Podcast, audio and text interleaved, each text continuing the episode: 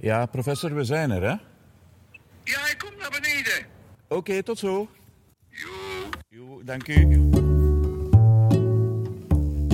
Aan de Naamse straat in Leuven in het Heilig Geest College heb ik een tweede afspraak met Roger Burggraven, Salesiaan, moraaltheoloog, filosoof. Roger Burggraven maakte internationaal naam met zijn onderzoekswerk naar het ethische denken van de Frans-Joodse filosoof Emmanuel Levinas. Een van de grootste denkers in de naoorlogse periode van de 20e eeuw. In deze tweede aflevering van onze reeks podcasts Roger Burggraven en de kracht van het kleine goed praat professor Burggraven over het devies van kardinaal Jozef Kardijn: zien, oordelen en handelen. Hij kreeg het mee van zijn vader en het gaf als geen andere bevinding richting aan zijn geloof. Geloof moet handen en voeten hebben, vindt Roger Burggraven. Je moet er naar handelen in je relatie met anderen. Doe je dat niet, zo schat hij in, dan is het niet authentiek. Geloof is doorleefd of is niet. Ik kom uit een nest met een, een, een vader die uit de Kardijnbeweging gekomen is. Mijn vader was zo de, de man van het geloof moet handen en voeten hebben. Concreet, als arbeider, hij was een wever. Ik zie nog altijd de spreuk thuis hangen. Leven is weven en sterven is bij God uw stuk afgeven. En s'avonds, bij het avondgebed, wat wij niet konden volgen, baden mijn moeder en mijn vader samen het oude Kajottersgebed. En dus, wij kenden ook zien, oordelen, handelen. We wisten natuurlijk niet goed waar dat, dat allemaal vandaan kwam, hoe dat zat, maar dat was voor hem wel heel belangrijk. En bijvoorbeeld, hij zei: Mijn weefgetouw, dat is mijn altaar. En dat is mij, eh, heeft mij geweldig getroffen. En als jonge knaap en als zoekende jonge gast, die ook aangetrokken was om priester te worden, salesiaan te worden, dacht ik, ja, dat moet toch met die weefgetouw te maken hebben, met die concrete realiteit. En dus, ja, vanuit mijn vader, dat zien, oordelen, handelen, je moet altijd vertrekken van de mens in de concrete omstandigheden waarin hij leeft. Met zijn wel en zijn wee, met zijn kwetsuren, met zijn vragen. En van daaruit vertrek je. En als je christelijk geloof daar niet mee te maken heeft, is het voor, voor God weet waar, heeft het weinig, weinig waarde. Dus voor hem was dat een belangrijke dynamiek voor het menselijk handelen. En dus zo leerden wij spontaan gelovig zijn met handen en voeten en kijken naar de realiteit. Hoe het in elkaar zit. Hoe mensen, bijvoorbeeld eh, gekwetste gezinnen, hoe het daaraan toe ging. Hoe de armoede meespeelde. Hoe bijvoorbeeld vrouwen veel meer met armoede geconfronteerd worden dan mannen. Mijn vader was daar zeer gevoelig voor. Jaren geleden, hè. Vandaag noemt men dat de feminisatie van de armoede. Hè? Je had daar geen grote woorden voor. Maar wat er dan moest aan gedaan worden, hij, hij ging die bezoeken. Hij, hij, zocht mensen om daar iets voor te doen. En dus dat heeft mij geweldig getekend. Gelovig zijn, als dat wij zouden vandaag zeggen, als dat niet humanistisch is. Als dat niet voor mensen, met mensen is, dan heeft het geen enkele waarde. Dat was wel een diepe overtuiging. Ik weet nog een paar dagen voordat mijn, mijn moeder gestorven is, baden zij nog samen het Kajottesgebed. Dat wil dus zeggen, voor hen was dat de uitdrukking van hun geloof als geëngageerd, sociaal geëngageerd, uh, niet hoogkerkelijk, maar concreet uh, bij mensen nabij, vanuit het evangelie.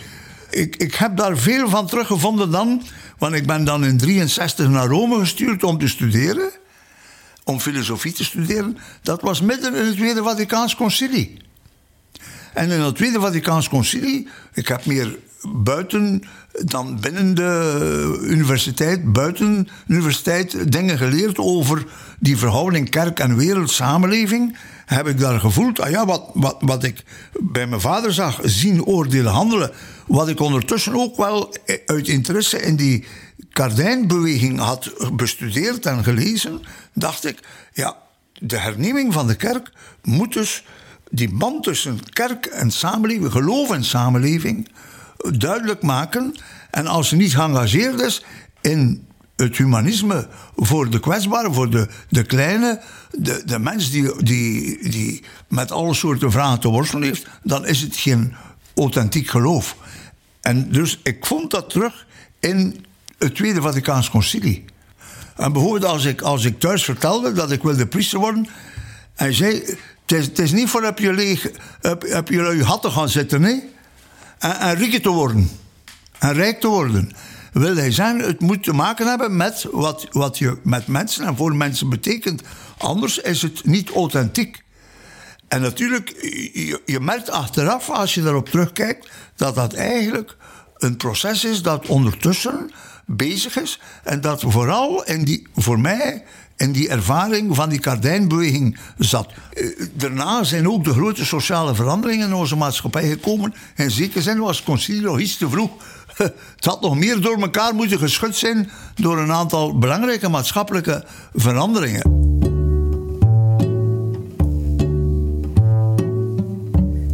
God beleiden zonder inzet en zonder rechtvaardigheid is geen geloof, is niet authentiek. Voor mij was dat dus buitengewoon belangrijk. Uh, ook als ik Salesiaan geworden ben, speelde dat voor mij een belangrijke rol. Want je zet je in voor jonge mensen. Jonge mensen die kwetsbaar zijn. In Don Bosco Kortrijk en op de speepleinen zag ik Salesianen die de poten van hun achterste liepen om met de jongeren betrokken en beesten te zijn. Mijn vader heeft daar toch de klemtoon opgelegd dat ik niet de pastoor te landen mocht worden met een goede, fijne wijnkelder.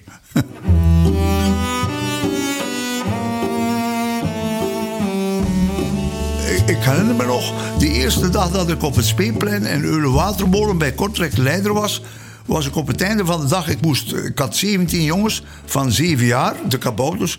Op het einde van de dag was ik ze allemaal kwijt. Ik had er geen één meer over.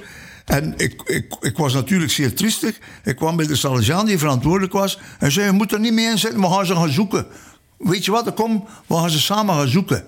En dat is mij altijd bijgebleven. Ah, we gaan ze samen gaan zoeken. Ik, ik dacht, ik ga op mijn kop krijgen, want uh, ik ben ze kwijt.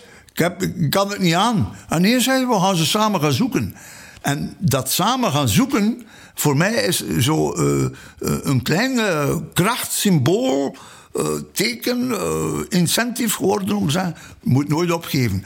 En ook als je mislukt en valt, er is opnieuw mogelijkheid. En, en dat is voor mij ook het geloven. Weet je, dat samen zoeken, hè, dat heeft bij mij ook altijd twee sporen gekend enerzijds het spoor van dat Salesiaans bekommerd zijn om jonge mensen en met jonge mensen op stap gaan en te kijken in hun groei waar en hoe ze kunnen komen en hoe ver ze kunnen komen. Zonder bevolking, maar ook zonder schrik om met hen samen op stap te gaan en ze ook uit te dagen. Ik noem dat het spoor van de groei, barmhartigheid.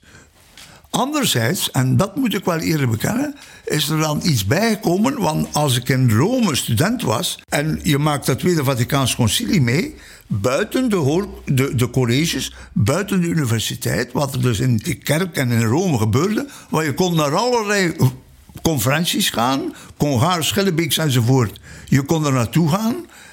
En in, in de lessen hoorde je een totaal ander godsbeeld, een totaal andere mensbeeld. En zeg, nee, we hebben dus een andere, filosofisch ook, als denken hebben we een andere visie op de mens en op de verhouding tussen mens en wereld, mens en geschiedenis, mens en het transcendente nodig. En daar is mijn zoektocht begonnen en mijn hunker om een mensbeeld, om filosofisch ook te ontwikkelen, dat dus niet vanuit het, het individu vertrekt, maar vanuit verhouding, samen zijn, verbinding. En eerst heb ik gezocht bij Gabriel Marcel, de filosoof over het lichaam en le corps sujet, het subjectieve lichaam, maar vooral de filosoof van de intersubjectiviteit, van hebben naar zijn, van verhouding en verbinding. En dan heeft er mij iemand, als ik naar Leuven teruggekeerd ben, heeft dan professor Dondijne, zalige gedachtenis, ik weet nog altijd goed in de Marie-Theresia-straat, langs de straat, mij op gewezen. Ja, maar je zou misschien toch beter een beetje een sterkere filosoof zoeken. En zegt, er is iemand die voor, voor het ogenblik weinig bekend is, maar je zult zien, dat wordt een zeer belangrijke filosoof. En hij heeft mij toen verwezen naar Emmanuel Levinas. En ik moest mijn legerdienst beginnen in Aalst. En we hadden ofwel in de voormiddag ofwel in de namiddag hadden we militaire oefeningen of allerlei lessen of oefeningen. En de andere helft hadden we vrij en konden we studeren, wat theologie volgen. En konden we in de studie van de Almozenier, waar we zonder muts waren, we moesten dan niet militair ons, ons niet militair gedragen, konden we studeren. En daar ben ik begonnen met Levinas te bestuderen.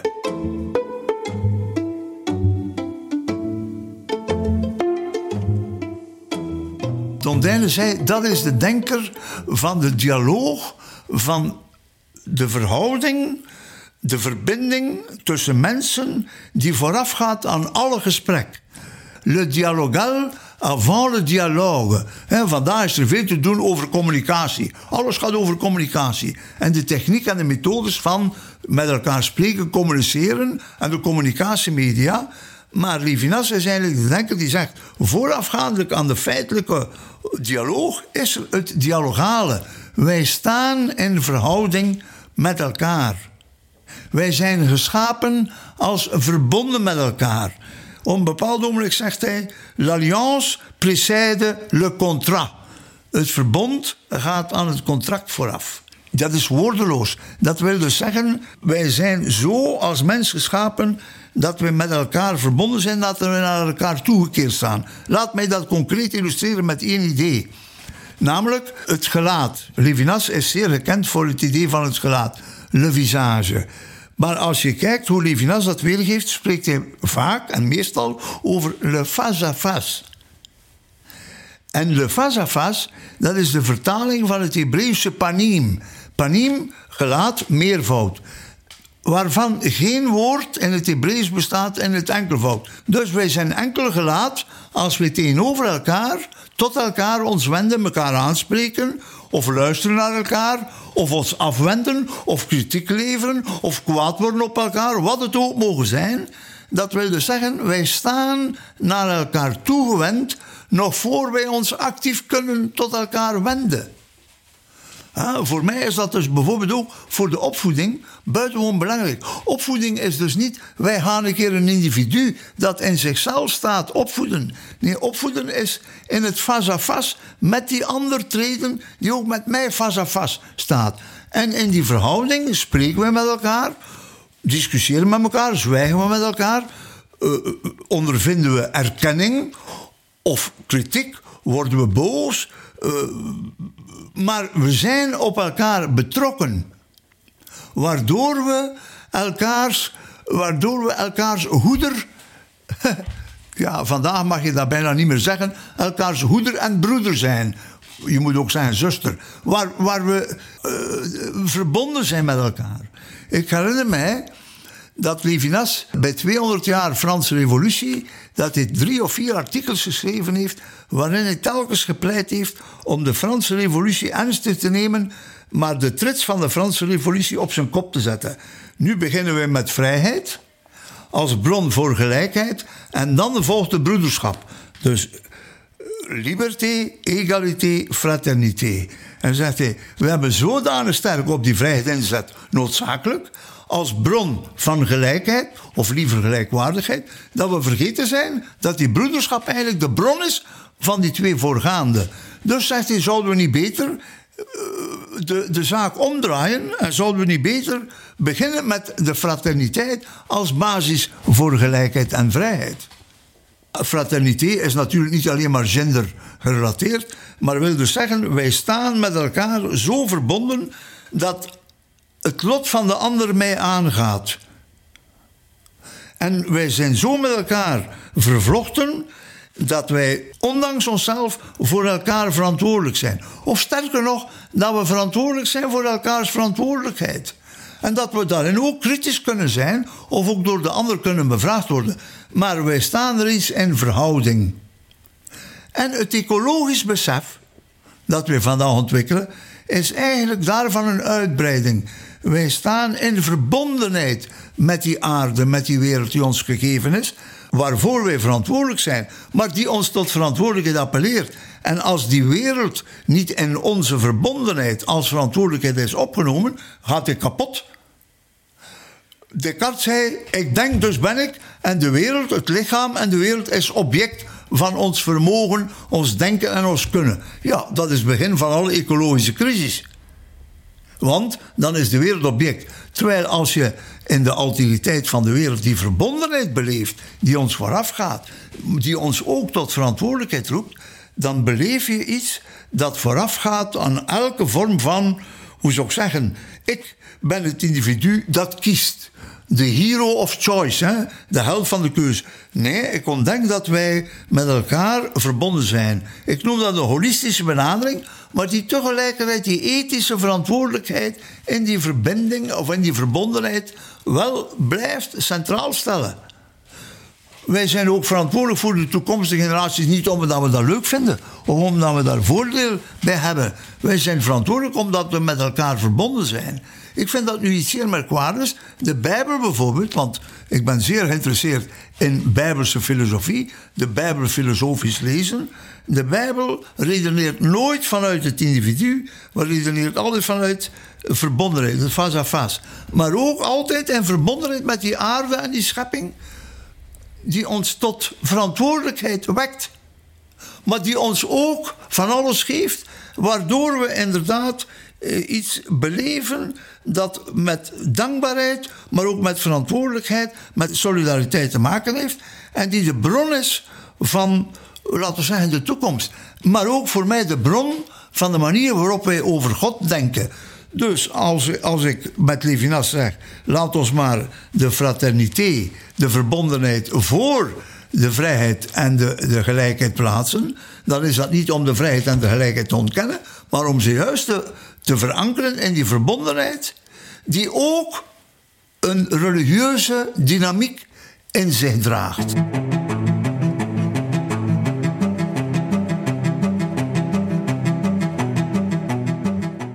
Als je vanuit dit spoor, vanuit het dialogale dat voorafgaat aan de dialoog, vanuit broederschap of vanuit verbondenheid die voorafgaat aan verbintenis of aan contract of aan verbondenheid met de schepping die voorafgaat aan die concrete verantwoordelijkheid voor toekomstige generaties. Als je daarmee op stap gaat, dan voel je dat er eigenlijk een spoor getrokken wordt dat niet vanzelfsprekend is, ook niet in de vernieuwing die in het Tweede Vaticaans Concilie heeft plaatsgevonden. Omdat in het Tweede Vaticaans Concilie vooral er een soort emancipatie nodig was en gebeurd is van een bepaalde visie op het bovennatuurlijke om de maatschappelijke relevantie en de relevantie van het geloof voor de wereld wel centraal te stellen en een, een, een toegang van de, de mens en de wereld tot het geloof mogelijk te maken, maar dat men niet eigenlijk over die grondslag daarvan, namelijk dat wij reeds met elkaar verbonden zijn, dat dat de grondslag is, die ook eigenlijk een bijbelse grondslag is van ons mensbeeld, niet doorgedacht is, of zelfs niet eens, zeker niet expliciet aan bod gekomen is. En dus het zijn latere ontwikkelingen van filosofen, van die dialogale filosofen. Gabriel Marcel, Frans Rosenzweig, Emmanuel Levinas. Er zijn er nog andere, maar dat zijn misschien wel de belangrijkste.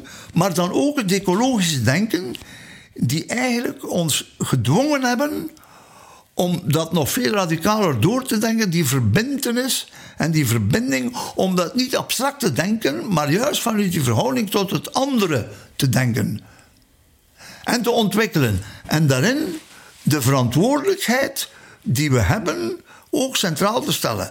Met andere woorden, het niet, los te, het niet tot een mooi spirituele uh, verhaal te maken van wij, wij hebben een soort holistische emotionele ervaring van ver, verbondenheid met de natuur. Maar uh, de natuur is ook een appel op onze verantwoordelijkheid. De schepping, de toekomst van de wereld, de toekomstige generaties doen op ons een appel, omdat wij met elkaar begaan zijn, of liever geroepen zijn om, om elkaars zorgen en, en toekomst te dragen.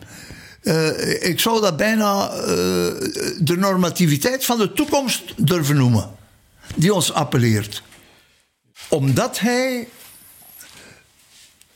niet het ik en het belang van de individuele vrijheid ontkend heeft, maar omdat hij die verankerd heeft in die verbinding met de ander als een manier waarop wij met elkaar verbonden zijn, maar ook in verantwoordelijkheid met elkaar verbonden zijn. Ik geef een concreet voorbeeld dat me nu te binnen schiet, dat misschien een heel eigenaardig iets is. Die Levinas heeft eh, mij geholpen om, om iets te ontdekken wat ik tot dan toe niet gezien had. Hij zei, ze, ze, de Louvain, noemde hij mij, ook bij anderen. Uh, zegt hij, maar qu'est-ce que c'est l'Eucharistie? Ik dacht, oei, wat is met dat nu? wat wil u nu van mij weten? Wat is de Eucharistie? Ja, je voelt je een beetje onzeker. Ik dacht, ik ga mij maar onthouden om een antwoord te geven, want hij heeft waarschijnlijk al een antwoord zelf in zijn hoofd. Maar enfin, zei c'est tout simple. Ik dacht, meneer, maar nu is me niet wat hij gaat zeggen. Maar c'est tout simple, het is heel, het is heel eenvoudig. Qu'est-ce que c'est l'Eucharistie? Ceci est mon corps pour vous. Dit is mijn lichaam voor u. En weet je wat hij dan zei? C'est toute ma philosophie. Dat is mijn filosofie. De ene, mijn lichaam is voor de ander. Wij zijn zo naar elkaar toegekeerd dat wij met elkaar verbonden zijn en dat wij in onze kwetsbaarheid, en noemde dat vulnerabiliteit, raakbaarheid, aandoenbaar zijn door de ander en daarin met elkaar verbonden zijn. En dat zei, c'est le saint de l'Eucharistie. Dat is het heilige van de Eucharistie. En ik dacht, ja. En weet je wat hij toen? En toen pakte hij mijn hand vast. En toen zei, faites attention. Let maar op wat dat gezegd. Want als je dat zegt, zegt je dat ook over jezelf. Je zegt dat niet alleen over een stuk brood. je neemt dus een hostie en je zegt: Dit is het lichaam van Christus voor u. Dit is mijn lichaam voor u. Maar degene die dat zegt, zegt: Dit is mijn lichaam voor u. Ik zeg dat ook over mezelf. Zegt hij: Fits attention, want dat zeg je ook over jezelf. Dit is mijn lichaam voor u. En ik dacht: Ja. Nu moet ik eigenlijk op bezoek komen bij een Joodse filosoof om te horen wat eigenlijk de kern van het evangelie en van Jezus' boodschap is met zijn instelling van de Eucharistie. Namelijk geen, geen soort uh, supernaturalistisch gebeuren, maar iets heel concreet. Namelijk, je breekt jezelf voor de ander. En daarover gaat het. En dat zet ons op het spoor van God. Dat zet ons op het spoor van de transcendente, van de heilige. En niet God is niet los daarvan te verkrijgen.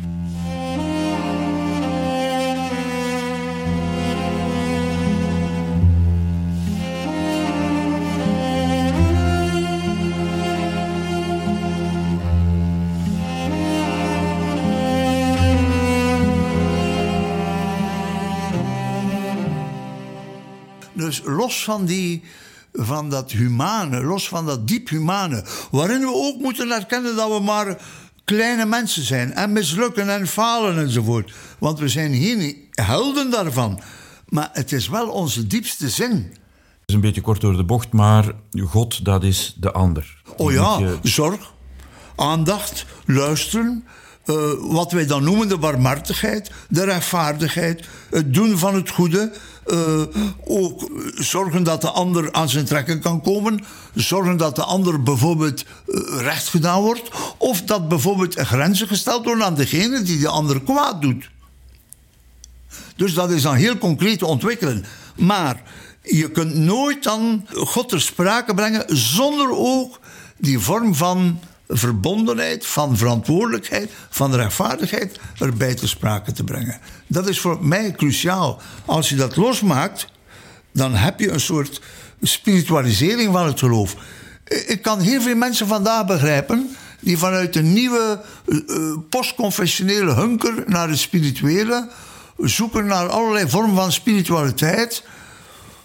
Maar als dat niet verbonden is, of als zich dat niet uitdrukt in concrete daden en concrete inzet voor anderen, eh, ja, is dat voor mij een vorm van geestelijke satisfactie, die misschien wel nuttig is om gezond te leven. Dat kan wel goed zijn. Maar dat is, dat is niet waar het in het inderdaad in het christendom en in het evangelie en ook niet in het jodendom over gaat. Dat betekent natuurlijk ook dat je vanuit die visie ook alles wat christenen als institutie, als organisatie, als groep doen, ook onder kritiek moet stellen. Wij vallen ook onder die kritiek. We zijn nooit vrij van. Hè? Schillebeek zegt terecht. De contrastervaring komt ook van buitenaf, de fremprofetie, die ons in vraag stelt. We zeggen, ja, maar je beleid voor de ander. Mijn lichaam is voor de ander. Maar je doet het niet. Dus je mag dat ook inderdaad onder kritiek brengen. En daarin is die dialoog met, met iedereen wel heel belangrijk. En dan komt er voor mij een aspect bij. Dit is mijn lichaam voor u, waarin ik het spoor van God vermoed en benader. Dit is natuurlijk geen monopolie. Dit is niet iets van zo, oh, maar dat is alleen maar geldig voor christenen. Dit is eigenlijk universeel.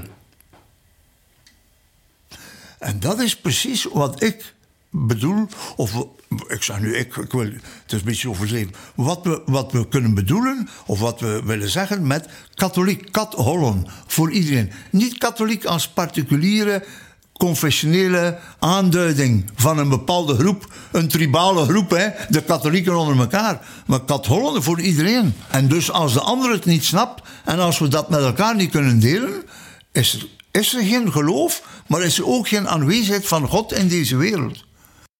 Ja, wat de ander bij uitstek kenmerkt, is dat hij anders is of zij anders is. Ja. Uh, Ja. En het is juist dat anders zijn dat nu zo hard wordt aangegrepen om mensen uit te sluiten, om ze niet te ontvangen, om, ze, om niet gastvrij te zijn ten aanzien van Eerst en hen. vooral En- zeer begrijpend. In die zin, ik ken mezelf ook. Ik weet dat wij ook altijd als behoeftige wezens altijd zeer sterk ook in die baatzucht treden. En in die wederkerige baatzucht, in die wel overwogen, wel begrepen eigenbelang treden enzovoort. Maar eh, eigenlijk is de mens in staat om daar bovenuit te stijgen. En dus, dat, dat is het mirakel van het menselijke, dat we voorbij de pure wederkerigheid van de baatzucht kunnen reiken. En dus, in dat opzicht bijvoorbeeld voor mij als christen, het is niet Christus die de incarnatie is van God, maar Christus, Jezus Christus, is de belichaming van Gods liefde door zijn menselijkheid. Het is de humane mens, Jezus, die de, de, de barmhartigheid van God, de rechtvaardigheid, wat wij de rechtvaardige, de barmhartige, de liefdevolle noemen, incarneert. Dus niet een soort formeel principe, maar wel een gekwalificeerd iets. Dat is misschien wel het meest eigene van de joods-christelijke, joodse en christelijke traditie. Dat wij nooit kunnen spreken over het goddelijke, over het transcendente, over de oneindige, de eeuwige. Welke woorden je mag ook, ook mogen gebruiken, zonder dat te verbinden met ethische kwaliteiten en uitdagingen en verantwoordelijkheden.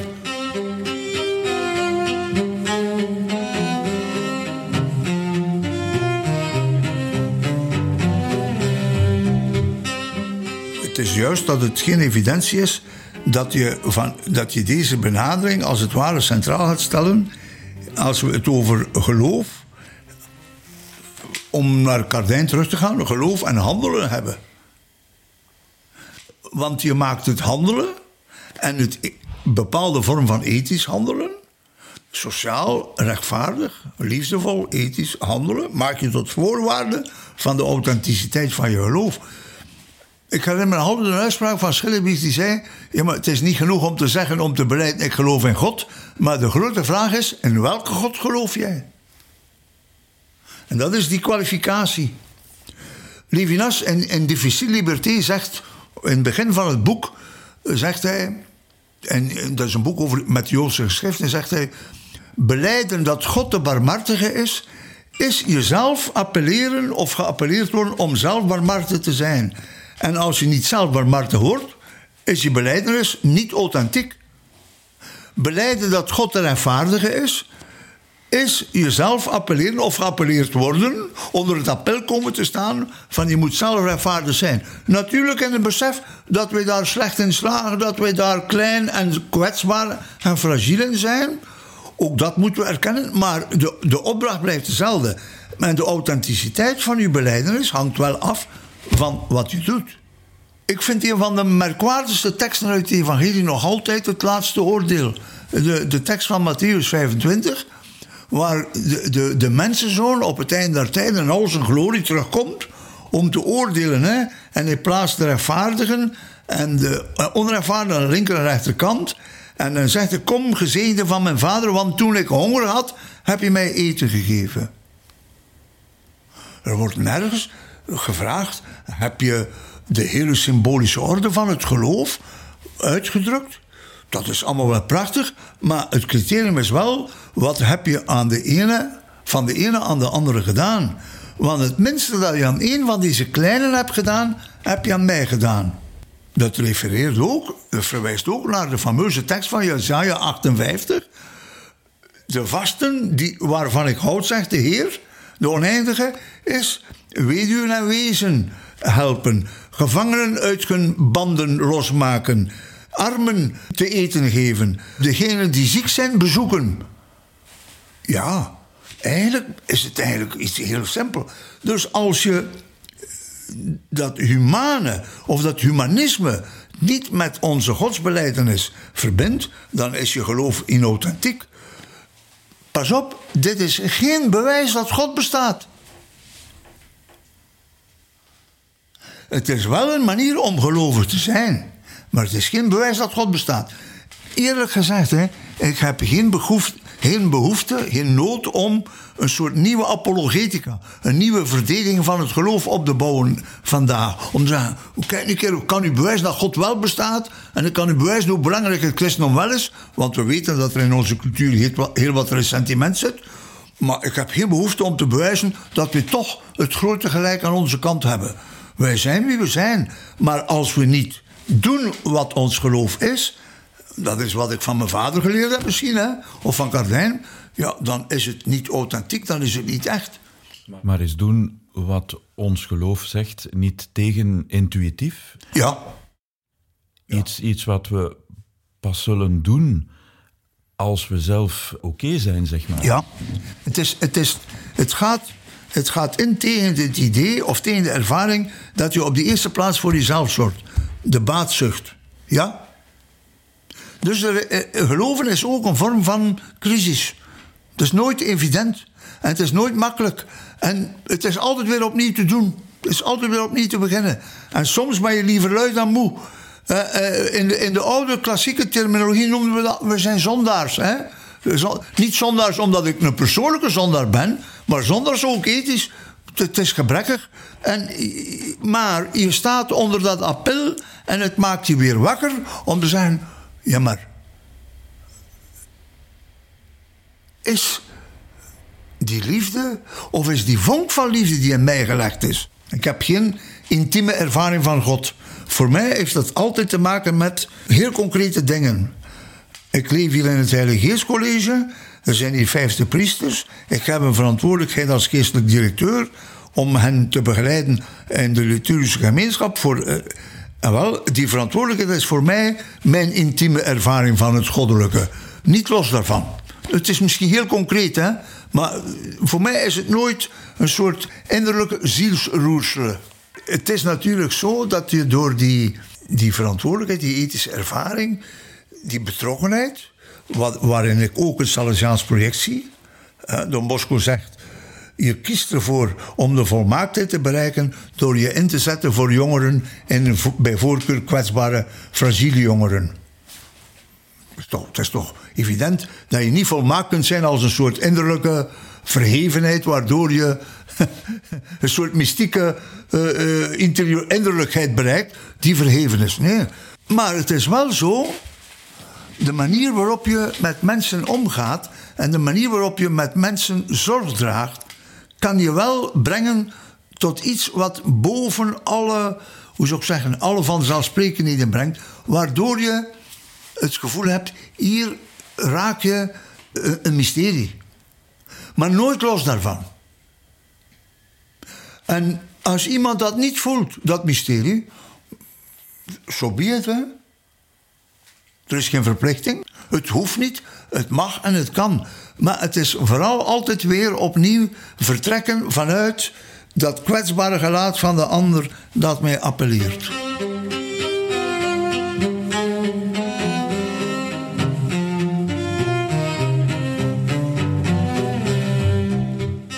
Ik bid gemakkelijk. In gemeenschap bid ik samen met al de anderen de gebeden die we altijd bidden in de Eucharistie enzovoort, als uitdrukking van de gemeenschap. Persoonlijk, als er mensen op bezoek komen die vragen om met mij, te spreken, ik heb daar een lieve vrouw beeld staan, hè, of dan bid ik een weesge groet en zeg ik tegen Maria, eh, zorg maar dat ik eh, erbij ben, hè. zorg maar dat ik er ben. Dat is een vorm van smeekgebed. Mijn belangrijkste gebed is niet het gebed van aanbidding van God of het goddelijke, maar dat is een smeekgebed. En zeg, Heer, help mij. Ik moet, hier, ik moet hier luisteren naar een verhaal. Ik had het misschien niet goed verstaan. Zorg dat ik het versta. Zorg dat, ik, dat die persoon geholpen is. Zorg dat, dat, ja, dat het werkt. Ik vind persoonlijk het smeekgebed belangrijker dan allerlei vormen van grote beschouwingen. Vandaar dat ik houd van bepaalde psalmen die uh, vormen van smeekgebed zijn. Maar smeekgebed, meestal bijvoorbeeld bij het begin van het jaar, de nieuwe studenten komen op bezoek en we nodigen hen uit voor een gesprek om kennis te maken. Maar nu, ik heb de hele, dus een heel, ik noem dat een schietgebedje. een klein gebedje voordat ze binnenkomen en zeggen: Heer, help mij, zorg dat ik ze goed kan ontvangen. En soms zeg ik achteraf dan ja, dank u, het heeft, gewerkt. Of ik hoop dat het gewerkt heeft. Soms voelt je niet goed. Zorg voor de ander. Ja, voor mij is dat het smeekgebed voor de ander, ja.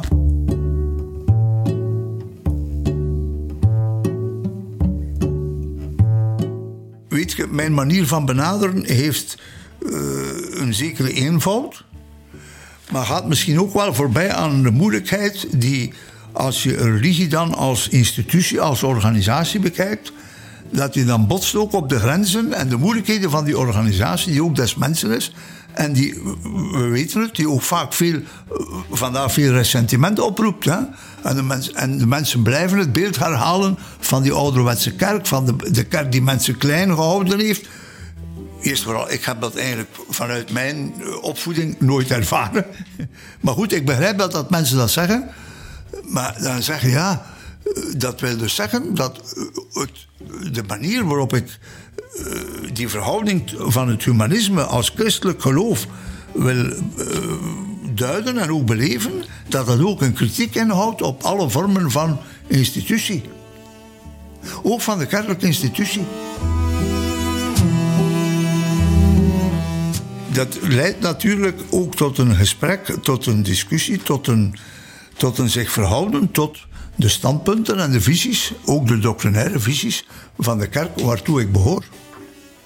Ik heb mij altijd voldoende vrij gevoeld om mijn gedachten te zeggen. Maar ik heb nooit gezocht naar, ik ga nu een keer de kerk onder kritiek stellen, om ze onder kritiek te stellen. Maar ik heb mij ook nooit gegeneerd om kritisch te denken. Zeker niet. Dus nog voordat Paus Franciscus nu met die ethiek van de groei uh, begonnen is via de synode van 2015. Hè, en in zijn document van 2016, Amors Letitia, zijn we al jaren daarvoor, eh, eh, halverwege de jaren 70 al begonnen, samen met Jeugd, om die ethiek van de groei, om op weg te gaan, om bijvoorbeeld in het gedrag, relatie en seksueel gedrag van jongeren, dat helemaal niet beantwoorden aan de kerkelijke normen, om daar niet zonder meer zwart-wit te benaderen, maar te gaan zoeken naar elementen van groei die daarin zaten, om ze te brengen tot een eh, sterkere eh, vorm van sustainable love, duurzame liefde. Roger Burggraven in het Kleine Goed is een productie van de Salesianen van Don Bosco met de medewerking van Kerkenet. Samenstelling Leo August de Bok.